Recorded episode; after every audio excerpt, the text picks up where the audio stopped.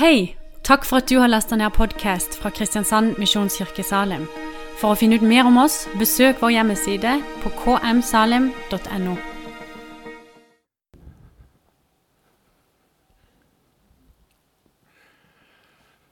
God formiddag.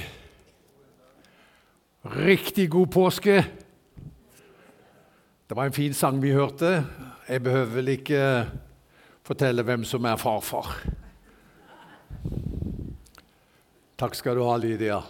Hva er sant? synger hun. Og det er det jo mange, mange som eh, kan spørre seg i den tida vi lever i. Og det er liksom steget inn i forkynnelsen også i formiddag. Det er sånn at eh, Statistisk sentralbyrå Du fikk det sikkert med deg. Like før påske så kom de ut med eh, resultatet av en spørreundersøkelse knytta til budskapet om eh, Jesu oppstandelse fra de døde. Så er det? De spurte jo rett og slett folk da tror du at Jesus sto opp fra de døde fysisk. Og Konklusjonen på det var at eh, vi har vel kanskje en liten eh, sånn der, et bilde av det også. Hvis vi tar neste bilde, så er det en eh, Du har kanskje sett den fra NRK. 12% det grønne feltet der. 12% av det norske folk eh, sier at eh, de tror på Jesu oppstandelse fra de døde, slik Bibelen eh, beskriver den. 12% 12 av 100 det er ikke så veldig mye, er det det? Hva er det som har skjedd? Hva er det som gjør at det bare er 12 av 100 som tror at Jesus har stått opp fra de døde? Er det sånn at de har eh, vurdert eh, bevismaterialet grundig og så trukket sine slutninger? Antagelig ikke. Når det er 12% som sier at de tror at Jesus står opp fra de døde, så tror jeg det har med en stor porsjon kunnskapsløshet å gjøre, ispedd gode doser med likegyldighet. Det er hva jeg tror. Og de er eh, virkelig trist. For hvis det er noe Norge trenger, så er det å forstå hvor enestående, troverdig og livsforvandlende Bibelens budskap om Jesu oppstandelse fra de døde er. Og Det er egentlig de tre punktene mine i formiddag. dere. Det handler om at budskapet om Jesu oppstandelse er enestående, det er troverdig, og det er livsforvandlende. Det er jo sånn at eh, historien har gjort full sirkel. Vår vestlige verden ligner veldig mye på hvordan livet var på Jesu tid i Romerriket. Jeg skal ikke gå inn på en veldig dyptpløyende analyse, selv om det er ganske interessant, men bare noen punkter veldig summarisk. Den gang Romerriket var preget av sterk statlig styring. Det var keiser Augustus som regjerte. I dag øker antall diktaturer i verden, og også i demokratier legges det bånd på tros- og ytringsfrihet. Det kjenner vi til. I Romerriket var det den gang allment moralsk forfall, utbredt normoppløsning. Vi ser det i dag også. Ateisme var utbredt også. De trodde ikke på de gamle romerske gudene lenger. Slik er det også i vår tid. De rikes velstand økte, og hadde som motstykke de fattiges fattigdom. Jeg snakker om Romerriket. ikke sant? Sånn er det egentlig også i dag. Folk var den gang dominert av frykt. Frykt for framtiden, frykt for døden. Slik er det også i dag. Millennials, de som er født mellom 1980 og 1995, kalles faktisk generasjon frykt. Men så skjedde det noe i Romerriket som snudde opp ned på alt. Folk fikk nytt håp, nytt livsmot, ny glede. Det gamle Romerriket begynte å synge. Hva var det som hadde skjedd? Ja, på en liten høyde utenfor Jerusalem sto det et nakent kors. Og like ved, i en hage, var det en grav som var tom. Der har du forklaringen. Det var budskapet om Jesus som sto fysisk opp fra de døde, som skapte de store endringene i Romerriket den gangen, og som kan skape endringer dere i Norge i dag. Da Paulus kom til Aten, forkynte han så mye om Jesus og oppstandelsen, står det i Apostelens gjerninger 17-18, at de trodde han kom med et budskap om to guder. At han forkynte om guddommen Jesus og guddommen Anastasis. Og Anastasis det er oversatt, og det betyr oppstandelsen. Han forkynte om Jesus og oppstandelsen. Og de trodde altså atenerne at det var to guder. Det var guddommen Jesus og guddommen oppstandelsen. Men poenget var at eh, han forkynte om Jesus som hadde stått opp fra de døde.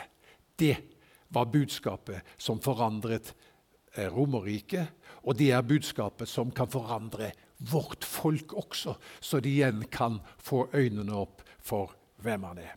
Det er unikt, det er troverdig, og det er livsforvandlende. Først, da. Budskapet om oppstandelsen er unikt. Hvordan er det? Moses, hva kan vi si om han? Han var levende, men han er død. Han døde 120 år gammel, vi vet ikke helt når, kanskje 1200 før Kristus. Buddha han var levende, men han er død. Han døde i 80-årsalderen rundt 483 før Kristus. Konfusius, eller Konfusé, han var levende, men han er død. Han døde 479 før Kristus. Muhammed han var levende, men han er død. Han døde, 400, han døde 8. juni 632 etter Kristus, og hans grav er i Medina. Om Jesus, hva kan vi si? Han var død, men han er levende. Dere, vi har hørt det så mange ganger at vi kanskje vi går glipp av det unike i dette budskapet. Det har ikke noen parallell eller noe sidestykke i noen religion. Om de andre som stiftet en religion, kan vi si de var levende, men de er døde. Men Jesus, han var død, men han er levende. Det er unikt. Bare det gjør jo at man bør spisse ørene litt og tenke hva er det med dette budskapet? Det var en skotsk historiker som het Thomas Carlyle.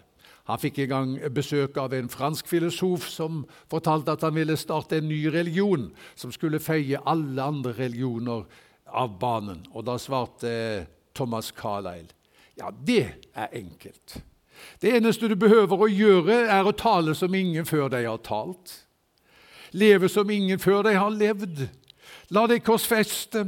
Stå opp igjen fra de døde etter tre dager, for aldri mer å dø. Da skal du ha en fair sjanse. Altså, det er eh, sånn at eh, den kristne troen er unik. I vårt pluralistiske samfunn, der man tenker den ene religionen er vel like god som den andre, blir ikke enhver salig i sin tro, da? Er det ikke sånn som eh, dette japanske fjellet, at man kan klatre opp på denne toppen fra forskjellige vinkler, og så kommer vi til slutt til den samme toppen? Nei, Jesus sa 'Jeg er veien' sannheten og livet. Det kristne budskapet er unikt. Det er punkt én. Men punkt to budskapet om Jesu oppstandelse er også troverdig. Og det er viktig. Som Lydia synger i denne sangen hva er sant? Kan vi tro på budskapet om Jesu oppstandelse fra de døde? En ting er at eh, påstanden gjør at det er unikt, men er påstanden troverdig? Det er et faktum at Jesus har levd. Det er det ingen som stusser på eller lurer på. Og at han døde og ble begravet, og at graven ble funnet tom dager etterpå. Men hva skjedde? Og Det er jo fremsatt mange og Dette kan jeg bare så vidt touche dere. Eh, det er så interessant. Det er fremsatt mange tanker rundt årsaken til at graven var tom.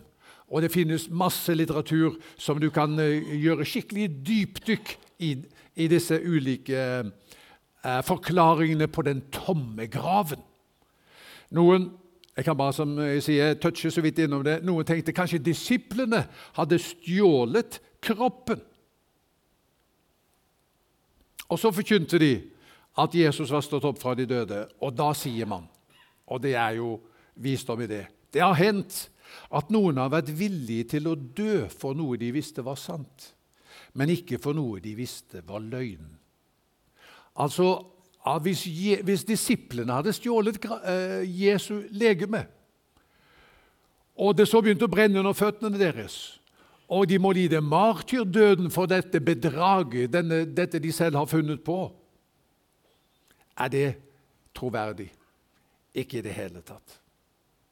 Men kanskje det var de religiøse lederne som gjorde det, fordi de tenkte at Jesus eh, hadde jo sagt han kom til å stå opp for de døde, og kanskje ville disiplene finne på et eller annet, så vi tar og flytter ham til en annen grav. Vel, hva kunne de ha gjort da? Når disiplene står frem i Jerusalem og sier 'Jesus har stått opp fra de døde', hva kunne de ha gjort da?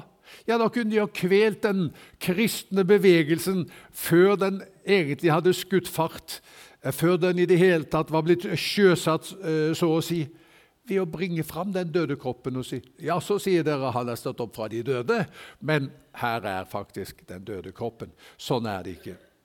Men var det hallusinasjoner? Hender det folk har hallusinasjoner? Ja, det er noe som heter det. Kanskje det var det med disiplene, at de hallusinerte. De trodde at de så Jesus stå opp fra de døde. Ja, Men det som er med hallusinasjoner, det er det at eh, for det første var ikke dette i 40 dager. For det, her er det snakk om at de så Jesus i 40 dager. ikke sant? Det, det, det var ikke i 40 dager. Og, og, for det andre så er det enkeltindivider som har eh, hallusinasjoner, og ikke grupper på tolv eller enda flere. For ved et tidspunkt skal vi se var det 500 som så Jesus eh, på en gang. Og da det, da kan ikke dette være en forklaring. Og Sånn er det mange ulike sånne, eh, eh, måter å prøve å forklare det på at graven var tom på, men de holder ikke vann ved nærmere ettersyn. Det, når man gransker budskapet om Jesu oppstandelse fra de døde, så ser man at det er så mye som taler for at det er bare én forklaring som kan holde, og det er at eh, han virkelig står opp fra de døde. Bare tenk på dette. 1. Korinterbrev 15, der eh, sier Paulus at han viste seg for 500 brødre på en gang. Og så legger han eh, til og av dem lever de fleste ennå. Jeg leser fra 1. Korinterbrev 15, 6. Av dem lever de fleste ennå, men noen er sovnet inn. Tenk litt på det. Han sier 500 har sett ham. De fleste lever ennå. Hva betyr det? Jo, det betyr at han sier til dem i Korint dere må gjerne sjekke dette ut. De lever. De som sier de har sett ham, de lever. Snakk med dem. Hør hva de har å si. Det er et veldig, veldig sterkt eh, eh, indisium på at Jesus står opp fra de døde. Og Videre så leser vi i det samme kapittelet, i vers 7, at Jesus viste seg for Jakob, Herrens bror, og han ble en troende. Jakob, han var, mens Jesus eh, virket, hadde sin offentlige tjeneste, var ingen etterfølger av Jesus. Han var jo broren til Jesus. Jeg vet ikke hvordan det, det er ikke så vanskelig å leve seg inn i hvordan det måtte være for Jakob. Og, og her har du Altså En av brødrene hans det er Jesus, og Jesus sier at han er Gud. Det var ikke lett for Jakob å håndtere. Så han avviste det fullstendig. Men nå står han fram, Jakob, og sier Jeg har sett ham. Jeg har møtt ham. Han er stått opp fra de døde. Jeg tror på at han er Guds Messias. Og så kan vi tenke på bare det faktum at de kristne flyttet helligdagen fra sabbaten, som er lørdagen, til søndagen. Det er en kolossal endring. Det skal vi være klar over. Altså, dette er jøder, sant? De holder loven. Og sabbaten er hviledag og helligdag. Nå flytter de helligdagen og hviledagen til søndagen. Hva kan ha gjort at de kan gå til et så drastisk skritt som det? Og da er forklaringen det var på søndagen Jesus sto opp fra de døde. Ikke sant? Og så er det også en interessant detalj. Hvis vi leser Johannes 20, eh, vers 7-8, så leser vi om de første disiplene. Johannes og Peter kom inn i graven. Så ser de gravklærne ligger der, men tørkleet ligger for seg selv, det som var rundt hodet. Og det står da de så gravklærne, så så de og trodde. Det var noe med måten gravklærne lå der på som bare fortalte dem her har det ikke vært et gravrøveri. Her har det skjedd noe, noe utenomjordisk, så å si. Det har skjedd et eller annet med den kroppen som var i de gravklærne. Det er jo, det vi ser, det er jo som om det er bare en forlatt kokong, en, en puppe. Det er som om larven som var liksom inni denne her puppen, det er bare fordunstet. Kroppen som var i gravklærne, den er liksom bare borte. Og så ligger gravklærne tilbake som et tomt skall. De så og trodde. Ja, Bente og meg har jo vært sammen med sikkert mange av dere òg eh, i eh, Torino. Har du vært der og sett likkledet fra Torino. Ja, noen av dere nikker. Vi var der nede til helt tilfeldig i et uh, bryllup, og så, og så uh, var det slik at uh, de viste dette likkledet. Oddvar Søvik har jo skrevet en bok om dette. her. Det er andre bøker som er gitt ut, verd å sette seg inn i. Men det var jo utrolig sterkt å komme inn i dette rommet hvor dette likkledet, som man tenker er kledet Jesus var pakket inn i da han døde, der er det utstilt. Og du ser silhuetten av en mann, og du aner at det er en, en enorm energi som har liksom blitt utløst, som gjør at dette avtrykket av den kroppen som var i dette likkledet, sitter igjen på likkledet. Ja, så er det jo noen som sier ja, men er det ekte? Og da må jeg bare si les boka eh, til eh, Oddvar eh, Søvik, så, så, vil du få veldig, veldig mye interessant informasjon om akkurat dette. Men poenget her nå, altså Johannes 20, de kom inn i graven, ser gravklærne. De så og trodde. Tenk på det. Ok, så jeg tenker og Dette jo, jeg berører jo nå bare overflaten på dette, her, som du forstår, men det finnes masse litteratur som du kan virkelig grave i, og som viser at uh, budskapet om Jesu oppstandelse det er ikke bare et unikt budskap, men det er et troverdig budskap. På slutten av 1800-tallet var det en advokat som het Frank Morrison. Han satte seg for å skrive en bok som en gang for alle skulle demontere troen på Jesu oppstandelse fra de døde. Han ønsket å plukke dette budskapet fra hverandre. Jesus har ikke stått opp fra de døde, var hans utgangspunkt, og det skal jeg bevise. Men som han omhyggelig jobba med det skriftlige materialet, måtte han forandre mening. Og boka ble det motsatte av det han i utgangspunktet hadde tenkt. Boka fikk tittelen 'Who moved the stone. Hvem flyttet steinen?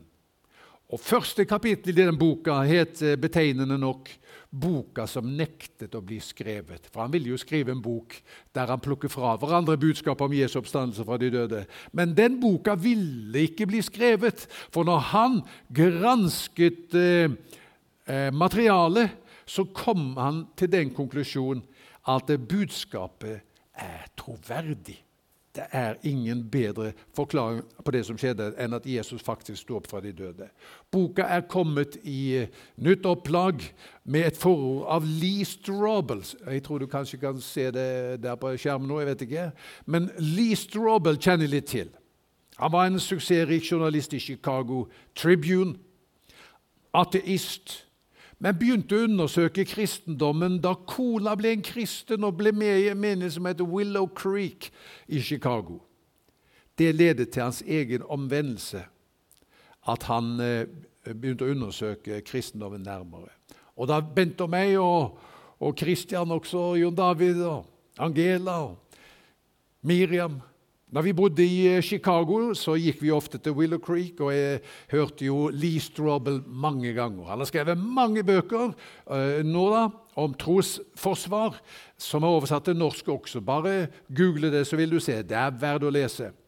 Og Han sier om Morrisons bok følgende Jeg står i stor takknemlighetsgjeld til Morrison. Boka 'Who Moved the Stone?' Hvem flyttet stenen? Var et veldig viktig ledd i en lang kjede av bevis som Gud brukte for å bringe meg inn i sitt rike. Morrisons intellektuelt overbevisende gjennomgang av det historiske materialet viste seg å være et perfekt utgangspunkt på min åndelige oppdagelsesreise, sier han, Lee Strobel. Ateisten som ble en kristen da han undersøkte det materialet som er gitt oss. Så budskapet dere om at Jesus sto opp fra de døde, det er unikt, og det er troverdig. Og for det tredje det er livsforvandlende. Budskapet om Jesu oppstandelse fra de døde. Det har betydning for de tre viktigste dagene i livet ditt, ser du jeg har skrevet der.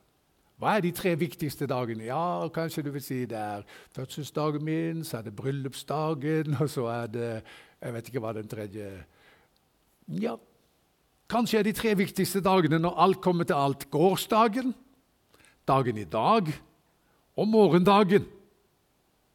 Og du har hørt uttrykket 'gårsdagen er forbi'. Morgendagen kjenner ingen. I dag hjelper Herren. La oss se litt på det hvordan budskapet om Jesu oppstandelse fra de døde har betydning for disse tre dagene. Gårsdagen. Gårsdagen er forbi. Ja, det, det vet vi jo, ikke sant? På en måte vet vi jo alle det. Gårsdagen er forbi. Og likevel, når vi tenker etter, så, så kan vi tenke det høres jo fint ut, men er nå egentlig gårsdagen forbi? Jeg bærer den på mange måter med meg, har folk sagt til meg. Tankene jeg ikke skulle tenkt, ordene jeg ikke skulle sagt, de tingene jeg gjorde som jeg ikke skulle gjort. Det, det har farga livet mitt, og jeg bærer det faktisk med meg. Gårsdagen kan være en slags ryggsekk som jeg bærer med meg inn i dagen i dag. Jeg vet at mange av dere leser andagsboka av Jonathan Kahn som heter 'Bibelens mysterier'. Jeg tror det. Jeg syns jeg har hørt det. Ja, Det gjør Bent og meg også innimellom. Og eh, Han har et lesestykke om dette. her. Han henviser til Jesaja 1,18, hvor det heter vet du, om dine synder er røde som skallagen, skal de bli hvite som ull. Tøy er jo i utgangspunktet ikke rødfarget. Hvordan får man rødt tøy?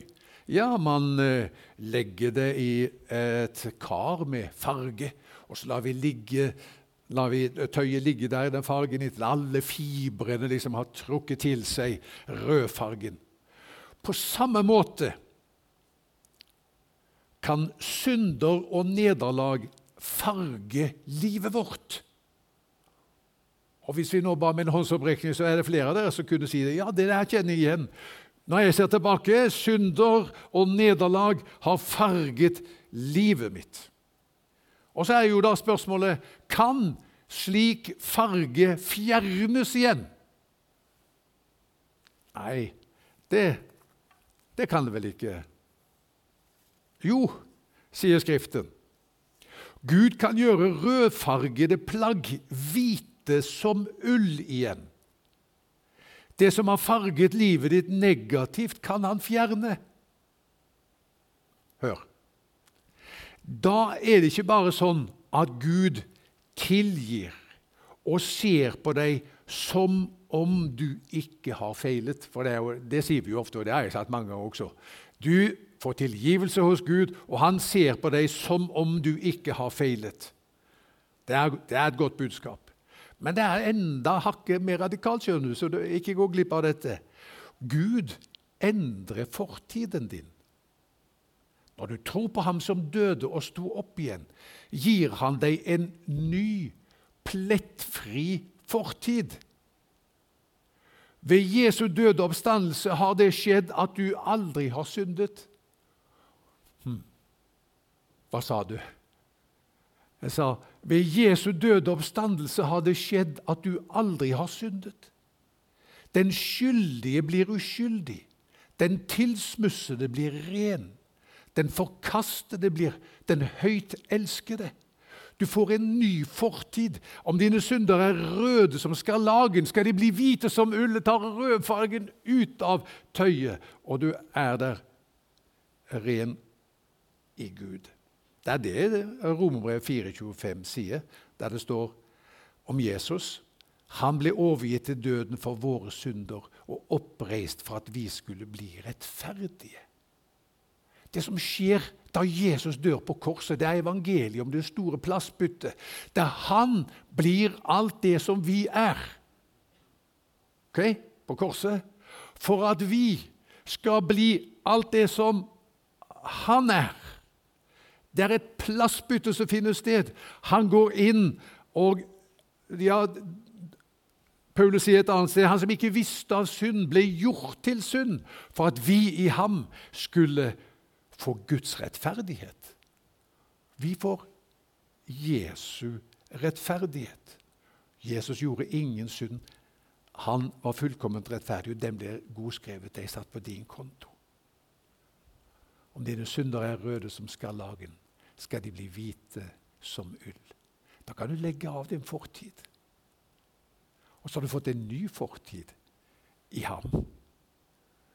Ja, det er, mener jeg det, det er gode nyheter. Det trenger Norge å høre. Ah, jeg skrev et, eh, et innlegg til Federlandsvennen, og jeg fikk det tilbake. Nei, det var for mye forkynnelse. Jeg tenkte heldigvis så har jeg Torbjørn Nogård og Norge og verdien ut. Så da får vi ta, ta, det der. For jeg tenkte dette trenger Kristiansands befolkning å høre. Det kan ikke være så galt å høre det at du kan få en ny fortid. Du kan sette av den ryggsekken uh, ved korsets fot som, uh, som, uh, som, alle dine synder og feiltak i livet representerer. Det kan ikke være ille. Så det har betydning for gårsdagen.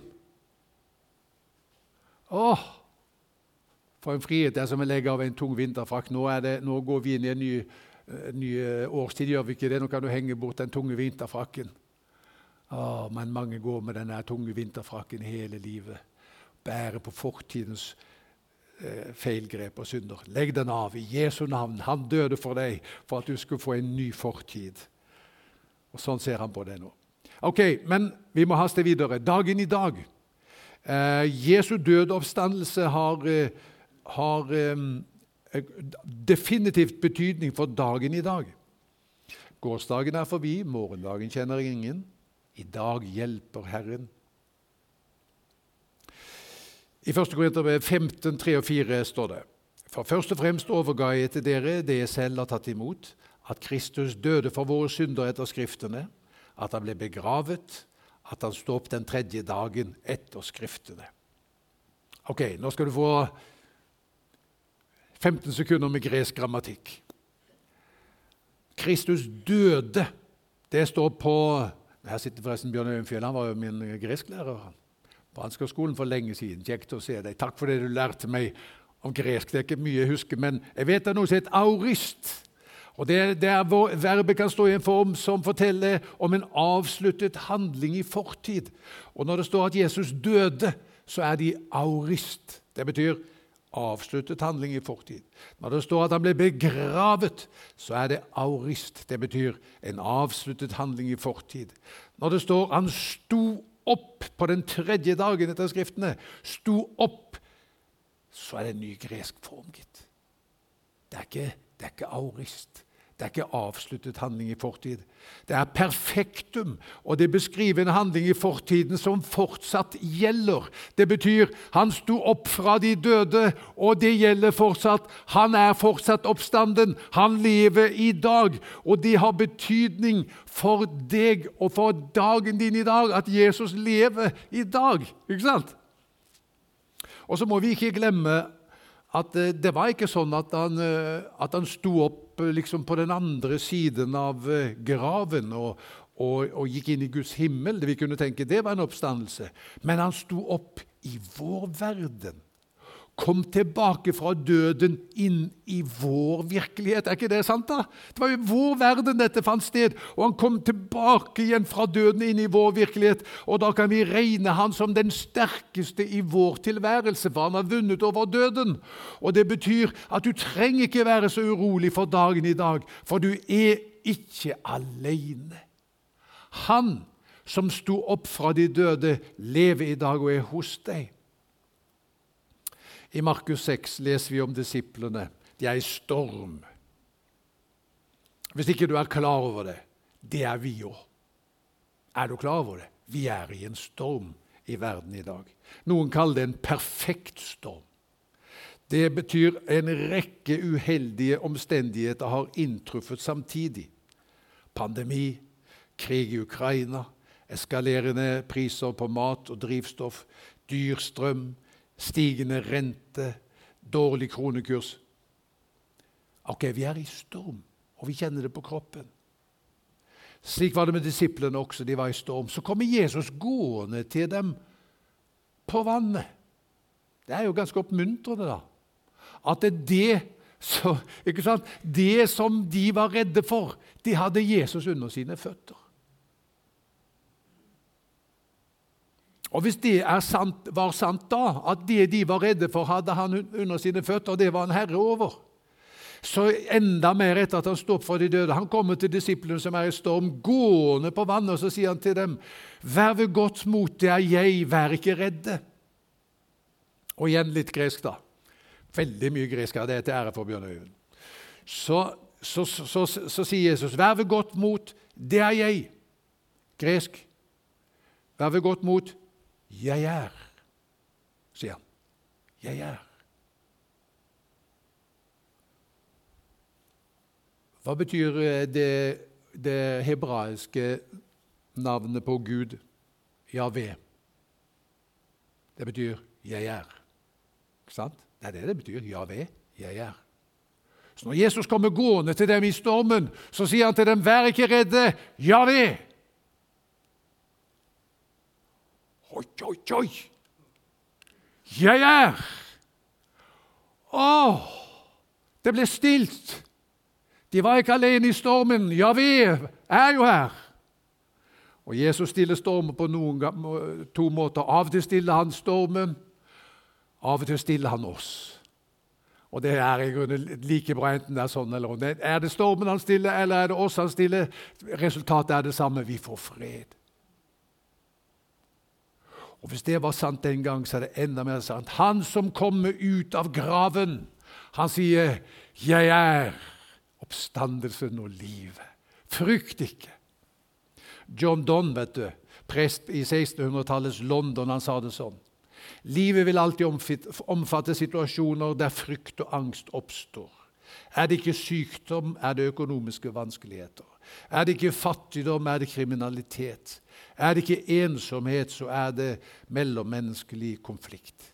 Så sier han i en slik verden har vi to valg.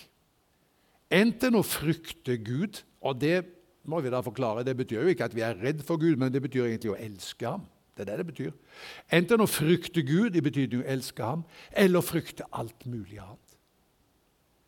Enten å ha tillit til Gud eller ikke ha tillit til noe. Det er alternativene. Og vi trenger å rope ut til det norske folk i dag at du behøver ikke frykte alt mulig og ikke ha tillit til noe. Det finnes et alternativ. Du kan frykte Gud, elske Ham og ha tillit til Ham. Da har du et fast punkt til å møte hva det skulle være med. Javé, jeg er, er hos deg i dag. Til slutt morgendagen. Gårsdagen er forbi, morgendagen kjenner ingen. I dag hjelper Herren. Morgendagen kjenner ingen. Mm, det er jo, det er jo sant. Vi kjenner ikke morgendagen. Derfor heter det i Ordspråksboken 27 vers 1.: Ros deg ikke av morgendagen, for du vet ikke hva den vil bringe. Og Jesus sier også i Matteus 6, 34, så vær ikke bekymret for morgendagen. Morgendagen skal bekymre seg for seg selv. Hver dag har nok med sin egen plage. Så når det gjelder morgendagen, så er det sant at den vet vi ikke noe om. Ikke noe annet enn dette at Han som hjalp meg i dag, og som sa 'Jeg er med dere alle dager inntil verdens ende', den oppstandende, han vil også være der i morgen. Kan vi være sikre på det? at han som er hos meg i dag, han vil også være der i morgen. Ja, fordi Jesus sto opp fra de døde for aldri mer å dø. Han lever og skal alltid leve, og han styrer historien mot sitt mål. Han gjør det. Det skal bli en ny himmel og en ny jord. Det trenger eh, menneskene i dag å høre. Vi styrer ikke Jeg har skrevet det om det så ofte. Jeg får spalteplass noe sted. Vi styrer ikke mot ragnarok. Det går ikke mot undergangen. Det går mot en ny himmel og en ny jord. Jesus sier når han, når, når han snakker om endetiden, så, så, snakker han om ulike tegn. og Det er som, som fikentreet som får blomster. Og igjen når dere ser dette skje, så vet dere at sommeren er nær. Det er det han snakker om. Når Jesus snakker om fremtiden, så sier han 'sommeren kommer'. Det er noe annet. Og Det som gjelder himmel og jord, det gjelder også ditt private univers. Vi har jo vårt private univers òg, har vi ikke det? da? Med våre jordkloder og, og, våre små og store planeter og alt dette skal vi prøve å styre og, og holde orden på. Hvordan skal det gå? Er du urolig for morgendagen? Søren Kirkegård sa å tro er bestandig å vente det glade, det lykkelige, det gode. Det er fint sagt. Å tro er bestandig å vente det glade, det lykkelige, det gode. Vi kan bekymre oss for så mange ting som kvinnene som gikk til graven denne første påskedag, og de lurte veldig på denne steinen, som var jo eh, ett eller to tonn Hvor mange vet ikke, eh, Den var Hvem skal flytte steinen for oss? Og Da de kom til graven, så så de det var en unødvendig bekymring. Det hadde de ikke trengt å bekymre for. Den var flyttet. Og Det er liksom som Jesus ønsker å si det til deg på første påskedag. Nå må du ikke bekymre deg for mye for framtiden. For jeg som er med deg i dag, jeg skal være med deg i morgen. Og jeg skal gå inn i framtiden sammen med deg og ta vare på deg. Du møter framtiden sammen med meg. Bent og meg har eh, eh, funnet mye oppmuntring eh, i historien om Jakob. Tenk at det står eh, at eh, Gud er Jakobs gud. Det er, det er skikkelig oppmuntrende. At han er Abrahams gud, det forstår vi. At han er Isaks gud, det skulle bare mangle. Men Jakobs gud Jakob var jo ikke på noen måte en fullkommen mann, syns dere det? Altså Det jeg har lest av Jakob, jeg har nå lest historien hans noen ganger nå, det forteller om et menneske som gjorde mange feil valg, og eh, som lurte andre, og selv ble lurt også. Men dere, oppmuntringen som jeg har fått når jeg har lest dette, det er at gjennom alle krumspring, kloke valg og ukloke valg, blir Guds plan realisert. Han skulle få tolv sønner. Fikk han tolv sønner? Ja, gjorde han det. Midt i alt dette her som ikke eh, ble så bra. Det ble Israels tolv stammer, og fra en av dem kom Messias, løftesønnen. Og framtiden for Guds folk ble lagt gjennom et ufullkomment liv. Gud fikk sin vei gjennom alt dette ufullkomne og uh, ugreie, må vi kunne si. Og Derfor så har jeg lyst til å si til deg på denne første påskedag Jesus lever. Han går med deg inn i morgendagen. Du er et ufullkomment menneske, men han går med deg. Og han skal styre historien mot sitt mål, og han skal også styre livet ditt og ditt univers når du legger det i hans hender.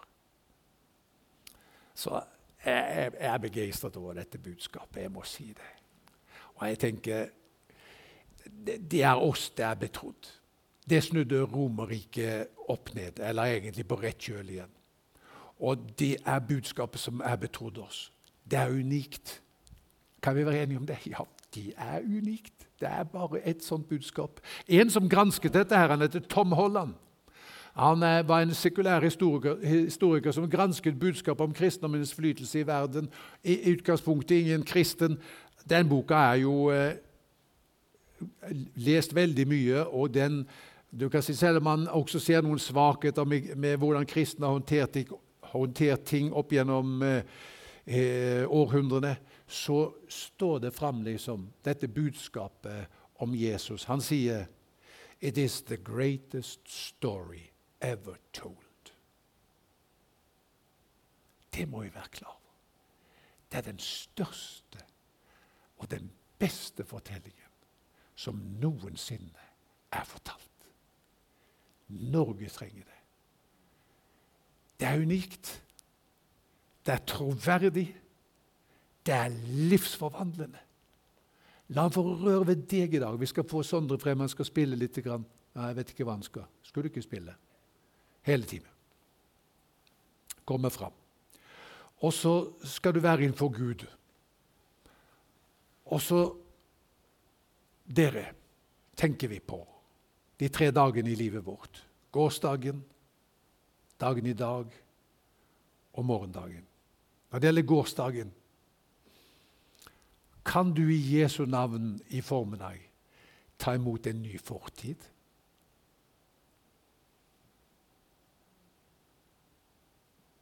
Ta imot en ny fortid. Og jeg er så farget av så mange ting.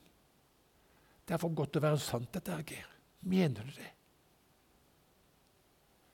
Om dine synder er røde som skarlagen, skal de bli hvite som ull. Jeg trekker fargestoffet ut, og så gir det en ny fortid.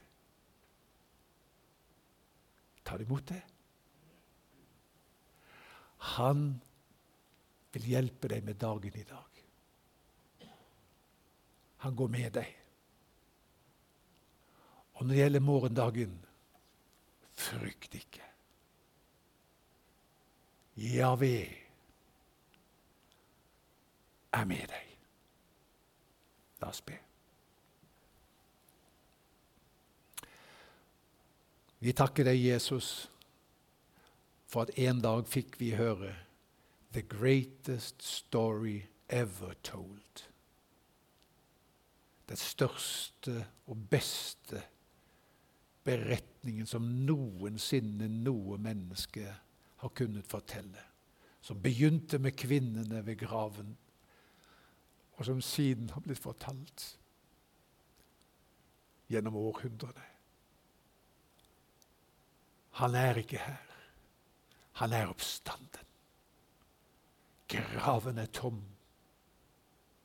Hendene dine er fulle av blomster. Hvor har du plukket dem? Jeg fant dem ved den tomme graven. Vi priser deg, Herre for at disse blomstene skal vi få lov å ta med oss ut til Norge anno 2023. Til et folk som er i drift. Til et folk som ikke har noe å navigere etter. Prise deg, Jesus, for at din menighet er svaret på det Norge trenger. Og at du skal bruke også Salem som en brikke i dette, og bringe håpets budskap ut til vår nasjon. Amen.